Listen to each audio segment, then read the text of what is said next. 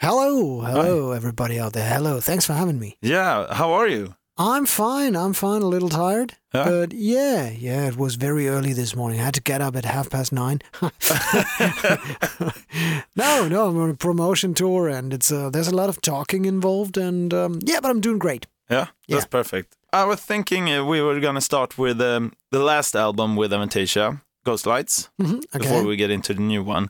Because you had guest performances then from Geoff Tate, Sharon den Adel from uh, Within Temptation, and Dee Snider. How does it work when you have all these like vocalists and you invite them into the, an Avantasia album? Do they send like the vocal stuff, or do you actually meet up at a studio, or how, how do you do it? Well, there's no no rule. Um, sometimes sometimes we would um, enter a studio together. Um, but for Ghostlights in particular, uh, Dee Snider, Sharon den Adel, and uh, and Geoff Tate were recording in their own studios or in studios around their um, well in their hometown or whatever. Um, Geoff Tate is on the new record as well, and we made the decision because I prefer to actually be in one room with another musician. Um, for this new record, Geoff and I hooked up in a studio in Frankfurt, Huh. and um, and work together in one room. And it's because he's old school, I'm old school. And when we were on stage, after we were on stage this uh, last summer together, was it this summer? No, last summer. Um, we came to the conclusion that we should be in one room together and, and actually work and let magic happen. And uh, magic happened and it worked. so, so, but yeah, I prefer to be in one room with another singer. Um, like, for example, with Jorn Lande, I'm always in the same room. And, um, well, but these days it doesn't really make a difference. You can, you can also just send something over the internet. Yeah, I get it. And now the new album, Moonglow, is coming up uh, next year. It's going to be out in February. Yeah. What can you say about the album to all the fans counting the days for its release then? Um, it's a great album. Obviously, uh, I was involved. Yeah. no, seriously, it's um, it's it's it's a very honest album. It's a heartfelt album. It's an album that had a lot of time to grow, because after um, I had finished the Ghostlights tour, um, I was I was in the lucky position to have no obligation, no record deal with Edguy, no record deal with Avantasia, no obligation, no deadline to meet, no pressure, no expectations, and I uh, made the decision that um, I'm gonna have a break. And uh, what does a musician do when he has a break? Well, he's got to find himself a hobby. My hobby was to build an, uh, uh, an own studio, which I did. And then you have a studio handy. And of course, it's very tempting because you have song ideas and you go in there and Yeah. you work on those song ideas. And after a while, I found out, hmm, I wanted to have a break, but this could eventually become a new Avantasia album. And uh, but but still, I, I had a lot of time because there was no deadline. Um, I hired an attorney to um, to get me um, um, a record contract. I didn't do it myself this time. The negotiation and all that shit involved. Yeah. Um, and I just focused on being at home and, and creating music, and it just literally wrote itself. And the material had a lot of time to grow because that was 2016 when I started to build the studio. And then in 2017, I was working there, sneaking in, sneaking out, um, writing a passage, recording a little bit, putting it aside. And, and meanwhile, I was traveling a lot to London, where I had a lot of, um, where I found a lot of inspiration. It was also to have a little break, but I found a lot of inspiration there. And I was on inspirational trips to London back and forth. And yeah, and the album, in brief words, is very, very embellished. It is very detailed. It's sophisticated in parts because it was done without any pressure. I I gave the material all the time it needed to grow. I was putting things aside, going back to them, and um, yeah, it's a dark and detailed and grotesque and lovely, great piece of art. The whole album. Yeah, I agree. I actually listened to a couple of songs. Now I know uh, there was um, the song from Flashdance with it, Maniac by Michael Sembello, right? yeah. How, how come you decided to cover that one? I just liked the song, and I said to our producer, uh, to my producer, to Sascha, um, let's do a cover version. He said, "Oh no, no, no, no! It's been overdone. It's been done so many times." I said, "Please, let's just do it as a bonus track, just for the love of it. I love that track. I want to do it, and this is not about. I mean, of course, it may be the wrong button to push at this point in Avantasia, but rock and roll is not about pushing the right button at the right time. That's what you have to do when you work in a nuclear plant. But when you're in rock and roll, you can push any button and see what happens. exactly. So we recorded the song, and um, and he agreed that it became his favorite version. And um, of all the versions that he had referred to when he said, "Oh, it's been done so many times." So um, we included Eric Martin to give it a little more Avantasia feel to have a duet. And by the way, Eric Martin is a great, great, great singer. I always loved Mr. Big, and I wanted to have the right duet partner for it. Um, and it turned out to be a song that sounded and felt like Avantasia, and especially when the material, the rest of the material on the album, was so embellished and complicated and diverse, and and um, some some pieces even difficult to access. I thought it was a great way of balancing out the mo- more sophisticated parts of the album and have it as a counterbalance, so to speak. This four-minute rock song and uh, yeah, it's a, it's a great song. Conceptually, it doesn't really fit in, but there's no rules, and yeah, we just Yeah. did it. That's great. Now I know you've been trying to get Bruce Dickinson into an Avantasia album. Uh, did you ask him this time as well? Of course, of course, it's an Avantasia album. And What did he say this time? um, uh, no, no, it was Bruce. Actually, it was uh, it was Rod Smallwood, um, who's a very very nice and very good manager. And uh, you know, Bruce gets asked these kinds of things a lot, and um, and they say no Hmm. uh, in general because I think they focus on Iron Maiden and they keep that name exclusive. And well, and he was busy probably doing something else, so no. What, what's the reason uh, why you would like to get him into the album? because it's Bruce Dickinson. Yeah. Because it's, a, it's he's uh, the singer of the greatest heavy metal band of all time, and uh, and he's been a very very huge inspiration for me. Um, if you look at the young Tobias Sammet, um, my my young me. Uh, on stage, you can see how inspired, uh, how inspirational he was for me. I mean, there's a lot of elements that I stole from Bruce Dickinson, especially uh, at our earlier stage shows he's Bruce Dickinson. Yeah. He, he would be a nice addition to it, but you know, after after reconsidering everything, I um, I refuse to to not do the record. exactly. Uh, have you met him? I've met him a couple of times. Yeah, All right. Yeah. Awesome. Where? he's he's nice. Um, I met him in in um, in Cologne once. I met him in Essen once. In Frankfurt at a music fair, we had dinner together because he was an endorser for Shure microphones, or used to be. That was probably 15 years ago, something like that. Ah. When I met him in Frankfurt. Last time I met him, probably five years, seven years ago. I don't know, but yeah, Mm. nice. He's a, he's a nice guy. I, I wouldn't want to say he's just a regular guy because he's, but but he's a nice, nice, nice person. I don't know. Now, wh- what is the greatest thing about having two different bands like Edguy and Avantasia? Like, what is the, um, each of them special treat, so to speak, when you balance them both? You mean you mean both compared to each other? Yeah, exactly.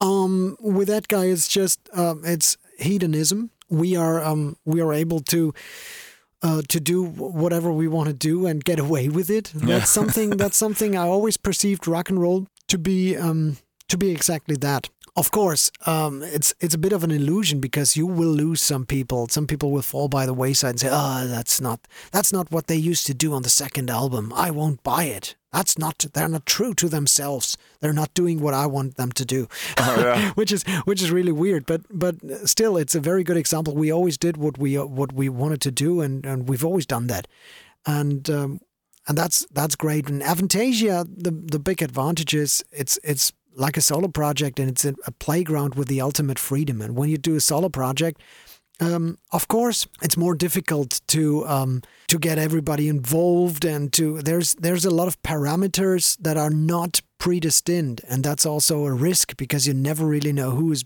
available. Um, how how are things going to turn out? You don't know the people that you work with before you actually work with them. Um, and you don't know who's available and these kinds of things. But it's also uh, the ultimate freedom. You don't have the Alkarov democracy in a solo project. you can, you can, you can. I mean, uh, Edguy is not really a, a band full of democracy, but still, you have five people with individual opinions, with individual um, individual needs and me being responsible. I have to make sure that you know nobody's pissed off and everybody gets his way but at the same time i need to get the way because i have to deliver the creative um, input. And it's always a bit balancing out and and and it takes longer you know until you come to a certain result. Whereas if you do a solo project every artist will say that uh, when you do a solo project, and Avantasia is a kind of solo project, even though I can rely on people that are amazing musicians themselves and they have say in what they do in Avantasia. But still, I make the decision and it's not questioned, and it's there's more freedom involved. There's no, there's less given parameters in the beginning. So, yeah, it's it's both got projects or bands have their have their um, advantages and disadvantages. Yeah, exactly. Now I saw a video on your uh, Facebook page, I believe it was, and you said in it it was in German though, but someone had uh, translated it so I, I could understand it. Uh, now you said in the end of that video, I think that you were going to watch football. Are you interested in football? Yeah, I am, but but these days it's uh, it's a little bit difficult for me. I'm a Bayern Munich fan. Oh yeah, yeah. and they're not really. They're playing to uh, Champions League. Yeah. yeah, tonight. So yeah, I'm a Bayern Munich fan. All right, and uh, but what's going on with the German team? I have no idea. They lost against Sweden. Yeah. No, did they no, lose not, against Sweden? No, no, not uh, no. Last time it was against. Uh, oh, in the Nations League, the new uh, In the Nations League, we yeah. lost against pretty much everybody, and Yeah. against Sweden, we almost lost against Sweden. Can you believe what happened? What has become of the German team? No, uh, you're thinking about the World Cup now, right? Yeah. In Russia, yeah, yeah, Yeah. yeah. Oh, you got that lucky goal and the, yeah. lucky goal. We, w- but we, but but you know, we won against Sweden and lost lost to uh, to South, Korea. So that says a lot about the Swedish quality too. no, but seriously, it's it's like I am into football, but I have accepted the fact that I'm a huge Bayern Munich fan, and there's a lot of Schadenfreude right, right now. You know, Schadenfreude, German word, like being happy about somebody else's misfortune. And people text me all the time and say, "Have you seen Oh, that?" yeah, And, yeah, yeah. You know, I stopped. I stopped worrying because I have accepted the fact that whatever I think, it doesn't have any impact on what these idiots do. You know, it's Uh, always I have to take the blame. I take the blame if I release a shit record. I'm not going to take the blame if the Germans play shit football. That's true. And anyway, because I'm interested as well, and I'm a Man United fan, doesn't go that well either right now. Oh, So- 99, So, I know 99. exactly what you're talking about. All right, let's. Uh, I've heard you're a Paul Stanley fan. Yeah, I Yeah. am. Yeah. Uh, now, have you any thoughts on their like um, farewell tour with Kiss? Um, well, you know, it it it was um, it was their decision to call it quits. Um, now it's I don't know. I've seen Kiss two years ago, one year ago in Germany, and um, I liked what I saw. And it's it's sad because uh, it's it's a farewell, and and when you're I'm I'm a Kiss fan, and I grew up with Kiss, and when a band like like Kiss says farewell, something that important in your life as a child, um, it's it's always an end of an era in your life. You see that things aren't meant to be forever, and you know, and, and it's like um, dinosaurs are extincting in Yeah. a way, and uh, Rock yeah. dinosaurs. rock dinosaurs are dis- dis- dis- uh, extincting, and um, yeah, I hope I can catch one of the shows, and and yeah, Uh, Moonglow World Tour is coming up, and the second of May, it's here in Sweden, Stockholm. yes, Uh, and uh, you've just been on a world tour with Ghostlight as well. Uh, uh, what was the craziest or most uh, un- unusual thing that happened on that tour? the craziest or most, unusual thing that happened on that tour. I don't know. There weren't. I mean, going on tour is a crazy thing, and being on tour with all these musicians, with uh, um, Eric Martin, and and I, I don't have to mention everybody now, but but you- Jorn Lande, Ronnie Atkins, Bob Catley, uh, Michael Kiske um, on on the previous tour. Um, of of course the whole thing is you have so many strong characters and so many so many interesting characters and so many people who are actually officially nuts uh, including all of us you know? It's just uh, it's just i mean they're frontmen of bands. They go on stage and they are troubadours to entertain thousands of people every night for um, f- some some of them 40 years in their lives. So of course you have to be a little crazy to be doing this. And if you have such a such a a, a, a strong a collection of extreme characters is a crazy thing itself, and it's great fun. What I think what is very astonishing and astounding to me is that there is no ego stuff going on. It's you have you have all these alpha animals, and they all feel in a in a band like Avantasia. It's hard to imagine, but they all feel like they're on a vacation, Oh, and they all they're all like children, and me too, and uh, and it's there is no ego stuff going on. Everybody's just behaving like a twelve year old kid, and that's that's a great thing.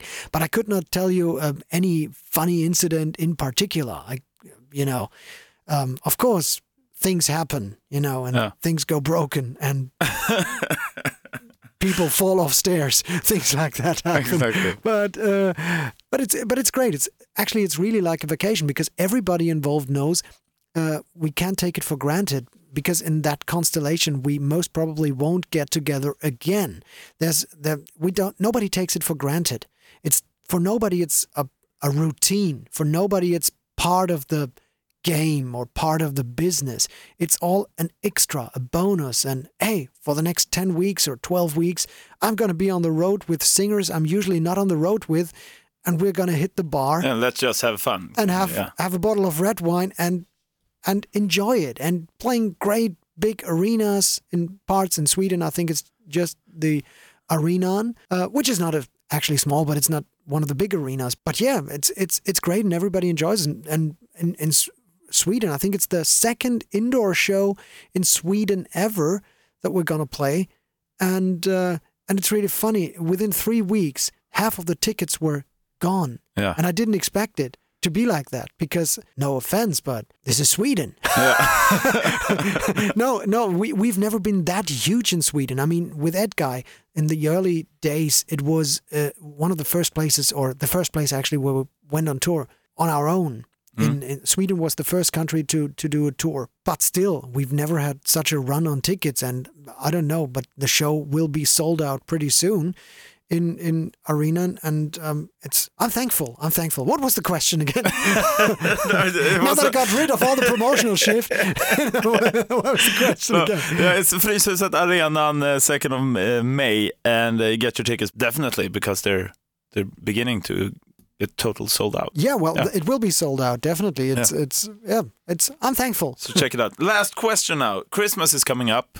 Do you get to spend it with uh, friends and family, or are you out doing promotional? I don't have many friends uh, a family you know I don't have no uh, I will I will not do promotion for Christmas no that's a sacred a sacred time I'm gonna get a Christmas tree and drag it out of the forest myself and uh, do all that stuff. It's I'm I'm very traditional, and that's one of the one of the sacred islands in my life. Uh, one of the sacred connections to my childhood. And uh, no, there's gonna be Christmas at home with my family, and we're gonna eat well and and wine.